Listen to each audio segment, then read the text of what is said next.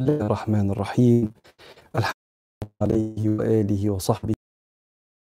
وصلي أفضل صلاة ومحرم الأشهر الحرم اتسمت الأول أشهر حرم ليه؟ لعظيم حرمتها ومكانتها عند ربنا سبحانه وتعالى ليها حرمة. حرم دال فرد ثلاثة سرد. احفظ كده. شهر الفرد يعني الواحد وبعدين ثلاث شهور لازقة في بعض. الشهر الفرد ده الرجب. وبعدين الزق بقى الثلاث شهور في بعض. ذو القعدة ذو الحجة محرم. فانت ممكن عشان تحفظ الأشهر الحرم رمضان شهر معظم بس مش من الأشهر الحرم. عشان تعرف تحفظهم احفظ رجب ومحرم. رجب اللي لوحده ومحرم. محرم اللي لازق فيه قبله ذو الحجة وقبله ذو القعدة. يبقى شهر فرد وثلاثة سرد. سرد يعني لازقين في بعض. رجب اللي, هن... اللي إحنا بدأنا فيه امبارح وبعدين ذو القعدة ذو الحجة وبعدين شهر الله المحرم. شهور الحرم إن يحرم فيها القتال. وبالمناسبة الأشهر الحرم دي كانت موجودة من أيام سيدنا إبراهيم. طائف المعارف.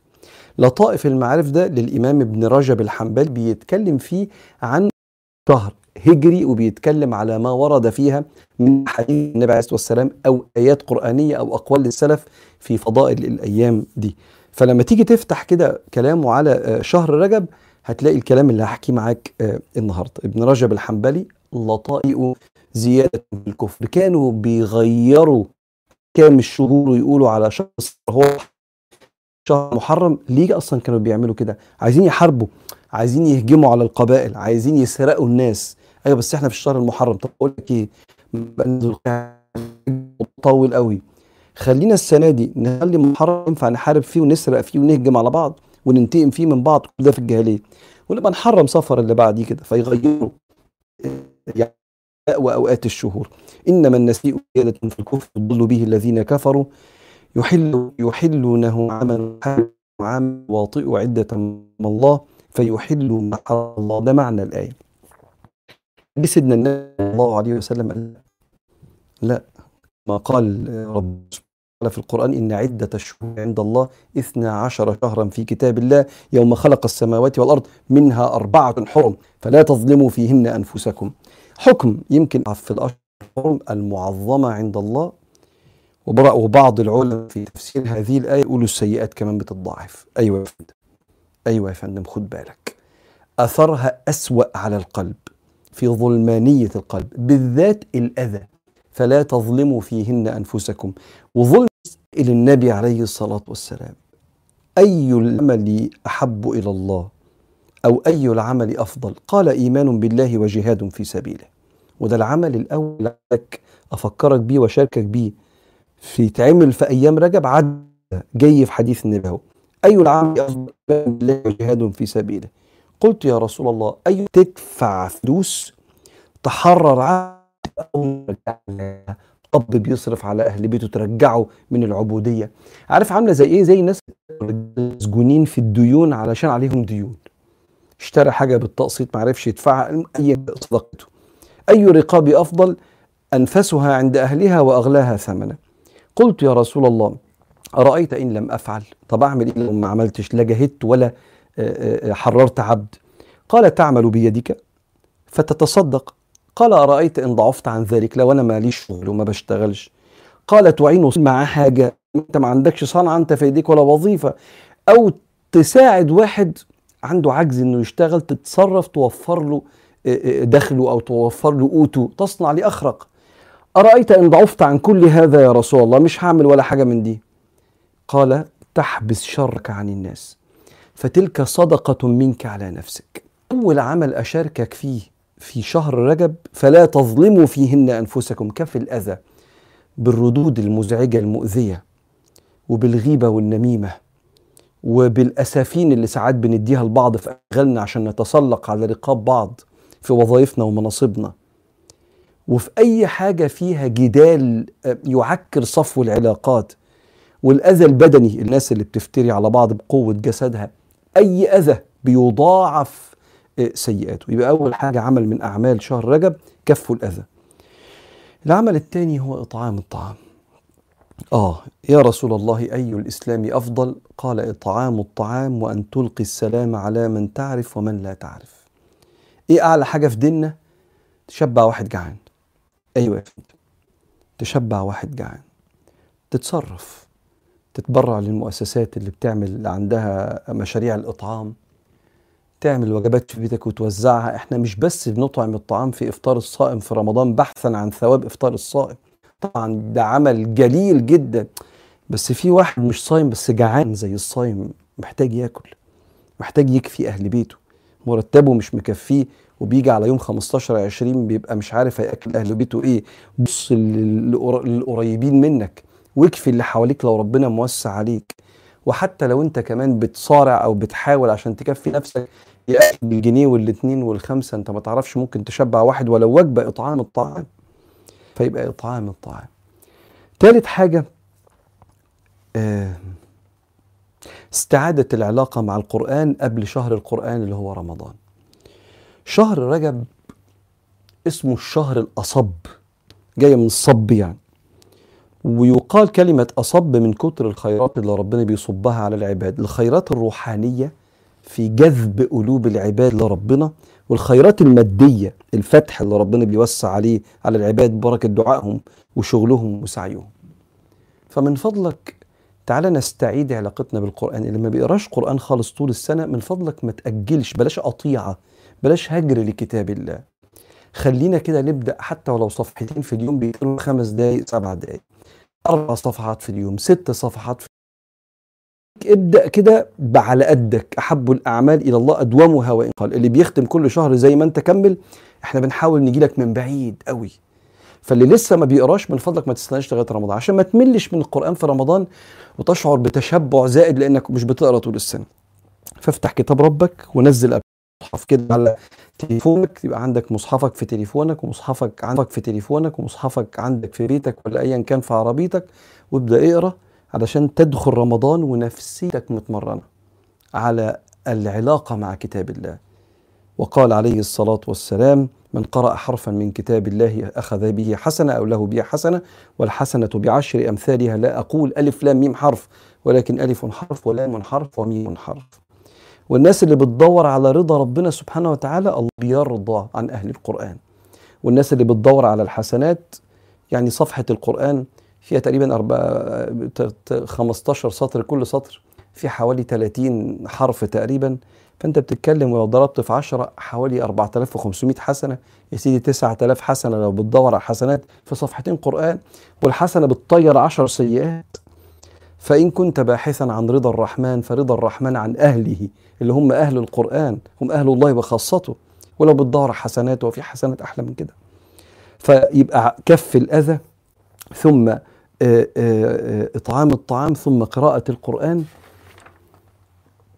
حاجة كمان رقم أربعة الصيام. ما عندناش في السنة أحاديث صحيحة زي ما بيقول ابن رجب الحنبلي في لطائف المعارف وكذلك الإمام ابن حجر في كتابه اللي ألفه عن أحاديث شهر رجب في الصيام. لا بيقولوا الأحاديث ضعيفة وبيقولوا ما فيش سنة معينة إلا أن النبي أوصى بالصيام في الأشهر الحرم. فقال عليه الصلاة والسلام كما روى الإمام أبو داود آه قال آه، صم من الحرم واترك. يعني صوم الأيام وسيب بعض الأيام صوم بعض الأيام. وكان سيدنا النبي يصوم كتير قوي عليه الصلاة والسلام أكتر أيام شهر شعبان. وطبعا بقى بنخش على رمضان بنصومه كله مع بعض. فكأنها تمرين على الصيام للي بيحب إنه يصوم. تصوم قد إيه؟ حسب قدرتك. اللي بيصوم اثنين وخميس بتصوم ثلاث أيام من الشهر. الأيام القمرية اللي في وسط الشهر كل واحد وقدرته يعني. لكن ما عندناش تخصيص معين بحديث للنبي عليه الصلاة والسلام وكان الصحابة بيحبوا يصوموا في الأشهر الحرم كف الأذى آه، إطعام الطعام قراءة القرآن الصيام يبقى شيء أخير أقول لك عليه قبل ما أجاوب على بعض أسئلة حضراتكم. وهو الدعاء. ظالم نفسه جدا جدا اللي اللي مش مش سامح لنفسه إنه يعمل كده ويقول يا رب. وهو ساجد ويسجد يدعي بعد الصلاة يرفع إيديه في أوقات الاستجابة يرفع إيديه. ظالم نفسه قوي ظالم نفسه لأن الفقير يحتاج الغني. يا أيها الناس أنتم الفقراء إلى الله. والله هو الغني الحميد. فأنت محتاج حاجات كتير قوي من ربنا. واللي مش محتاج حاجة لأن ربنا كريم عليه يدعي أن ربنا يرضى عنه. ويدعي بالعافية أن تبقى النعمة في يديه ولا تزول ولا تزول بسبب معصيته. أسألك العفو والعافية في الدين والدنيا والأهل والمال والولد والآخرة. اطلب من ربنا كده. إحنا محتاجين ده قوي فالدعاء الدعاء ودور على أوقات الاستجابة أثناء الأذان وبعد الأذان وفي السجود وبعد الصلاة. ولما المطر ينزل وإحنا في الشتاء كده ادعي ادعي. الدعاء الدعاء الدعاء دول كده خمس أعمال يعني حبيت أشارك مع حضراتكم. وبالمناسبة بقى أختم مع حضراتكم كلمة رجب يعني عظيم. رجب السيد يعني عظم السيد. فكلمة رجب يعني الشهر العظيم وهو معظم عند الله. ولو واحد اسمه رجب يعني اسمه فخم كده الرجل العظيم يعني. فده معنى اسم رجب يعني أو معنى اسم شهر رجب. يلا نرد على الأسئلة. بسم الله الرحمن الرحيم. فاكر رجب ذو القعدة ذو الحجة محرم شهر فرد وثلاثة سرد. آه، دنيا بتقول لي ما بقتش بحس بالأمان بعد زلزال المغرب وإعصار ليبيا وحرب فلسطين. بقيت حاسة إن في أي لحظة ممكن تحدث كارثة طبيعية مثل البركان والإعصار. ما بقتش عارفة معنى الراحة والأمان. خوفي ده بيزداد يوم عن يوم وبخاف كتير على أمي وأبي يحصل لهم مكروه. شوف يا دنيا ما لا يدفع بالفكر يدفع بالذكر. ما لا يطرد بالفكر يطرد بالذكر. ما لا يحل بالفكر يحل بالذكر. يعني إيه؟ خايف يحصل براكين وأعاصير أو حرب. كل ده بره نطاق تأثيرك وبره نطاق سيطرتك. وبكل شيء عليم وبكل شيء محيط. أما حضرتك وأنا معاكي غلابة خالص خالص.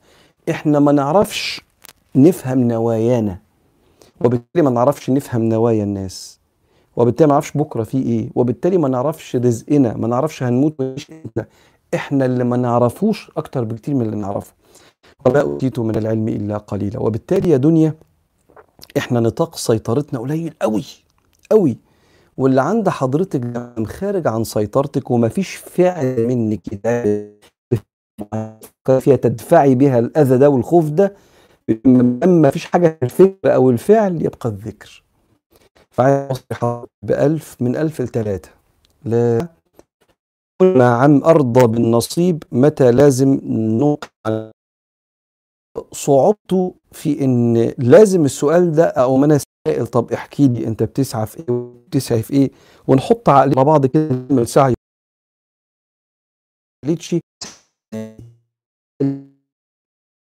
لغاية ما اتخطبت بس خلاص هنعمل إيه بقى؟ اتجوزت هنعمل إيه؟ نوقف السعي. صارت في علاقة أخرى مش هينفع خلاص. مش هينفع طب يا رب جوزها يطلق ما ينفعش ده دعاء بالاعتداء. ما ينفعش نعمل كده.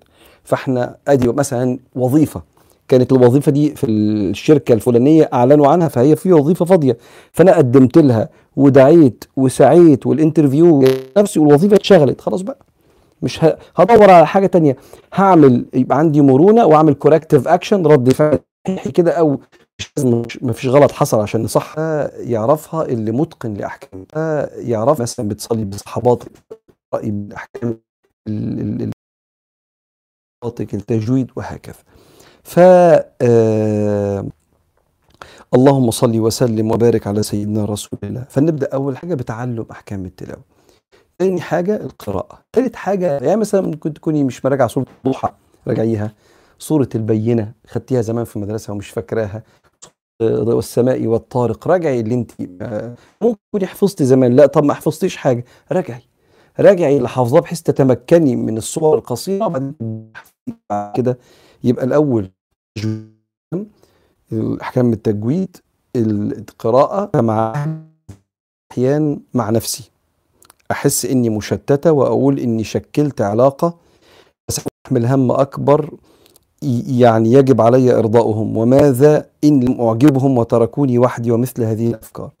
ال overthinking في العلاقات ان أنا مش عارف العلاقات جزء منه بيبقى جايز لأن أنا مش متأكد إن دي الحالة هنا. جايز يبقى بسبب في بعض التربية إحنا ما بيبقاش واخد وضعه قوي في البيت أو بيبقى فيه إن غالبية الناس اللي بيبقوا كده بيبقوا جمال جدا وكرام جدا ولزاز جدا ومتعلمين جدا. بس هو اللي شايف نفسه كده. فعايز أشجع حضرتك على تكوين العلاقات لأن الإنسان ما بيعرفش يعيش في وحدة. واطمئني كل الناس زيك برضه عندهم نفس المخاوف. بس ممكن يبقى من. من نفس اللي أنت خايفة منه أو مخاوف تانية. كلنا ضعفاء وعندنا نواقص في حياتنا. فأنا مش بجزم إن ده حصل عشان ما أظلمش أهلك مش بجزم بكده بس ساعات بيبقى ده سبب خوف دخول الإنسان في علاقات. فمن فضلك توكلي على الله وعلى الله توكلوا إن كنتم مؤمنين. كملي في علاقتكم ما تخافيش إن شاء الله تستهدي محدش يسيبك بإذن الله. الله أنا رجل لم أكن أصلي حتى بلغت أوائل الأربعين من عمري. سؤالي هل حرمان وجود الأطفال في حياتي هو عقاب من الله لتخفيف السيئات أم هو اختبار لقوة الإيمان؟ وهل ورد في القرآن الكريم أو السنة جزاء الآخرة لمن يحرم من الأطفال في الحياة الدنيا ويصبر على ذلك؟ الأول ما نقدرش نجزم أكيد يا صديقي إنك أنت حرمت من الأطفال عشان أنت ما بتصليش. لأسباب كتيرة. اولا ما عندناش دليل بيقول كده اللي ما بيصليش ربنا مش بيرزقه بالأطفال. ما عندناش دليل بيقول كده فنجزم ونبقى متسرعين وعندنا جرأة في حاجة زي كده. حاجة تانية في ناس كتير ما بتصليش وعندهم عيال كتير. فلا الواقع ولا الشرع يخلينا نجزم بحاجة زي كده. ربك يقول لله ملك السماوات والأرض يخلق ما يشاء. يهب لمن يشاء إناثا يعني يخلي حد يخلف بنات. ويهب لمن يشاء الذكور حد يخلف ولاد بس. أو يزوجهم ذكرانا وإناثا يدي حد ولاد وبنات ويجعل من يشاء عقيما. إنه عليم قدير. يهب لمن يشاء إناثا ويهب لمن يشاء الذكور أو يزوجهم ذكرانا وإناثا ويجعل من يشاء عقيما. إنه عليم قدير. يعلم ما يفعل ويعلم ما يقدر ويعلم الأنسب. فما تربطش ده بده بس المهم إنك أنت تبدأ تصلي يعني تنهي حياتك بعد عمر طويل وأنت من عباد الرحمن ومن زوار المساجد. أما مسألة الصبر ربنا قال لك وقال لكل واحد عنده نقص في الحياة قال له إنما يوفى الصابرون أجرهم بغير حساب. يعني تخش الجنة من غير حساب. يصب عليك الخير صبا بغير حساب. ولعل ربنا معوضك في الدنيا بحاجات كتير وإن شاء الله في الآخرة هنتفاجئ وإنت هتتفاجئ بمقامك على صبرك على فقدانك نعمة نعمة مش صغيرة زي نعمة الولد أو البنت يعني الخلفة المال والبنون زينة الحياة الدنيا. فصبرك على عدم وجود الزينة دي بعين الله وبرحمة الله. إن شاء الله ربنا يكرمك دنيا وآخرة. هل الميت تصل إليه سيئات أعماله التي ترك تركت أثر في حياة الناس اللي أذاهم وبيعيشوا إلى الآن في نتائج ظلمه وبطشه لما كان عايش؟ إحنا عندنا ما يسمى بالسيئات الجارية والحسنات الجارية. ذكرها النبي صلى الله عليه وسلم يوم قال من دل على هدى اللي يساعد حد في حاجة أو يعلم حد حاجة فيها خير فإن له أجره وأجر من عمل به إلى يوم القيامة. ومن دل على ضلالة أو من دعا إلى ضلالة فإن عليه وزرها ووزر من عمل بها إلى يوم القيامة. ومن سن سنة حسنة فله أجرها وأجر من عمل بها إلى يوم القيامة. ومن سن سنة سيئة له أجرها وأجر وزرها عليه وزرها ووزر من عمل بها إلى يوم القيامة. فنعم إن لم يتب الإنسان ويصلح اللي أفسده ويرفع الأذى عن الناس اللي أذاهم قد يلحقوا سيئات جارية بسبب جريان الأذى على هؤلاء الناس اللي عاشوا في أذاه. فشيء مرعب جدا جدا. بدعي إن ربنا يشيل من عمري ويحط في عمر والدتي من شدة حبي ليها.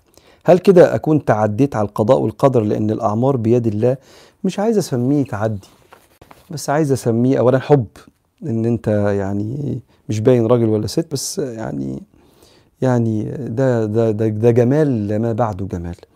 لكن يا صديقي أو يا أختي الكريمة دي أمنية ليست الأمنيات المسموح بها لما ستنا أم حبيب ستنا حب ستنا بنت أبي سفيان حبيب حبيبة بنت أبي سفيان زوجة النبي عليه الصلاة والسلام. أيوه.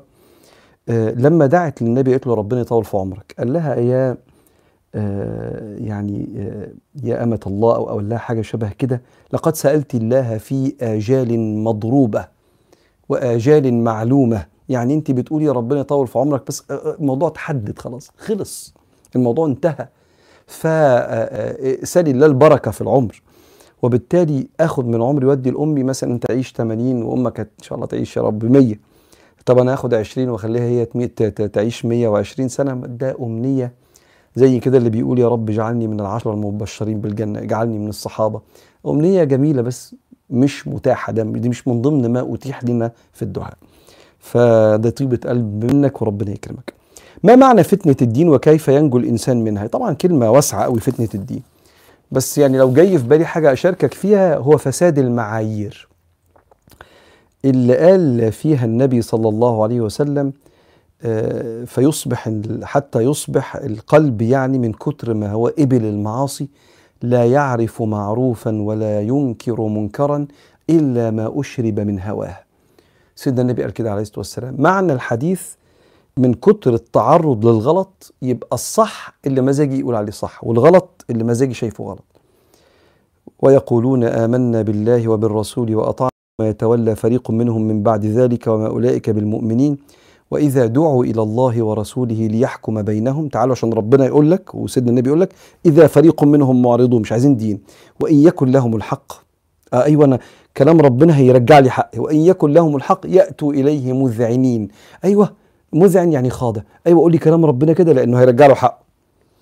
فربنا يقول لك إيه؟ أفي قلوبهم مرض أم ارتابوا؟ أم يخافون أن يحيف الله عليهم ورسوله؟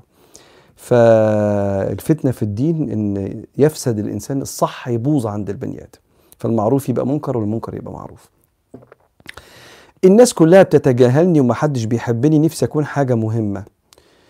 درسنا في السيكولوجي كده يا صاحبة السؤال إن لما أقول الناس كلها يبقى غالبا الإنسان بيقصد من أربعة لست أشخاص. التعميم ده. الناس كلها يعني أنا مثلا ما تجاهلتش سؤال حضرتك واحترمته جدا جدا وحاسس جدا جدا بالسؤال ده. فهل هل أنا يعني أنا مش من ضمن الناس اللي تجاهلتك؟ ف بلاش نقول كل مبدئيا يبدو إن في ناس مهمة مش مديين صاحب أو صاحبة السؤال مش باين الناس كلها بتتجاهلني ومحدش بيحبني. نفسي أكون حاجة مهمة. لا يظهر هو ولد ولا بنت لكن عموما مهم إنك أنت تبقى آه، مدرك إن لله خلف في العباد. يعني ربنا يخلف عليك. يخلف عليك يعني يعني اللي يتجاهلك وأنت ما قصرتش في حقه. ادعي بالعوض كده قول إنا لله وإنا إليه راجعون. اللهم أجرني في مصيبتي واخلفني خيرا منها. فيخلف عليك بحد يحترمك. ولكن عايزك أطلب منك طلب عايزك تروح لحد قريب منك كده وتفضفض معاه شوية وتقول له كده. قول له إيه واديله الأمان. قول له إيه اللي في تصرفاتي بتخلي كل الناس تتجاهلني أصل يا صديقي مش ممكن يبقى كل الناس وحشة. ممكن يكون في تصرف معين محتاج تراجعه. لو ظبطته هتبقى شخصيتك مش طارده. لو ولو أنت شايف إن ممكن تكون بتعمل حاجة غلط أو هتطلع بره التصرف اللي ممكن تحس إنك لما بتعمله الناس بتبعد. تقولي لا والله ما بعمل حاجة وسألت. أقول خلاص. يبقى نصيبك اللي فات من عمرك في الناس ما كانش الناس اللي موجودة دلوقتي وادعي إن ربنا يرزقك ويخلف عليك باللي يقدرك ويصونك. آخر سؤال مكتوب كتابي بس لسه الفرح وهو متفق كده مع أهلي وعايز يتجوزني من وراهم وبيقول لي ده حقي وحرام عليا. هل ده ينفع ولا لأ؟ اللي أنا فهمته انه مكتوب كتابهم ولكن لسه الفرح ما اتعملش ويبدو إن جوزها اللي مكتوب كتابه بس عليه عايز يقيم معاها العلاقة الزوجية وبيقول لها إن ده حقه وحرام عليا إن أنا أرفض يعني. لا يا صديقي لأ إحنا عندنا هنا آه، المسلمون عند شروطهم كما قال صلى الله عليه وسلم. المسلمون عند شروطهم آه، إن ما ينفعش العلاقة دي تقام آه، إلا لما تروحوا بيتكم اللي هي يوم الفرح ليلة الدخلة ليلة البناء زي ما بيقولوا. ولو حصلت العلاقة دي ما بيبقاش زنا زي ما العلماء قالوا ان في الآخر دي مراته. لكنه بيبقى خلف للوعد والعهد مع أهلها. خلف للوعد والعهد لأن في اتفاق ضمني. ألا تحدث هذه العلاقة الشريفة الكريمة الحلال إلا بعد ما نروح بيتنا. وبالتالي لما كتبت الكتاب وأهل أهلها استأمنوك ما استأمنوكش على العلاقة دي. فاستأذنك لا استنى اصبر وربنا يبارك لك في مراتك وتكبر انت ودي بقى حتة كده من راجل لراجل. التزامك بكلمتك قدام مراتك وأهل مراتك قدام أهل مراتك في عين مراتك شايفاه كده ده يكبرك قوي.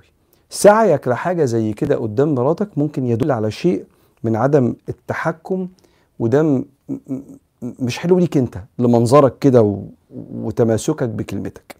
فربنا يكرمك ويقويك ويبارك لك في مراتك وأهل مراتك ونفسك يا رب. طولنا عليكم. ربنا يتقبل من الجميع. بسم الله الرحمن الرحيم. الحمد لله والصلاة والسلام على سيدنا رسول الله. يا رب يا واسع يا رب يا كريم يا رب يا مجيب يا رب. اللهم بارك لنا في رجب وشعبان وبلغنا رمضان. اللهم بارك لنا في رجب وشعبان وبلغنا رمضان. اللهم بارك لنا في رجب وشعبان وبلغنا رمضان. اللهم انصر المسلمين المستضعفين في كل مكان. اللهم انصر إخواننا في غزة يا رب العالمين.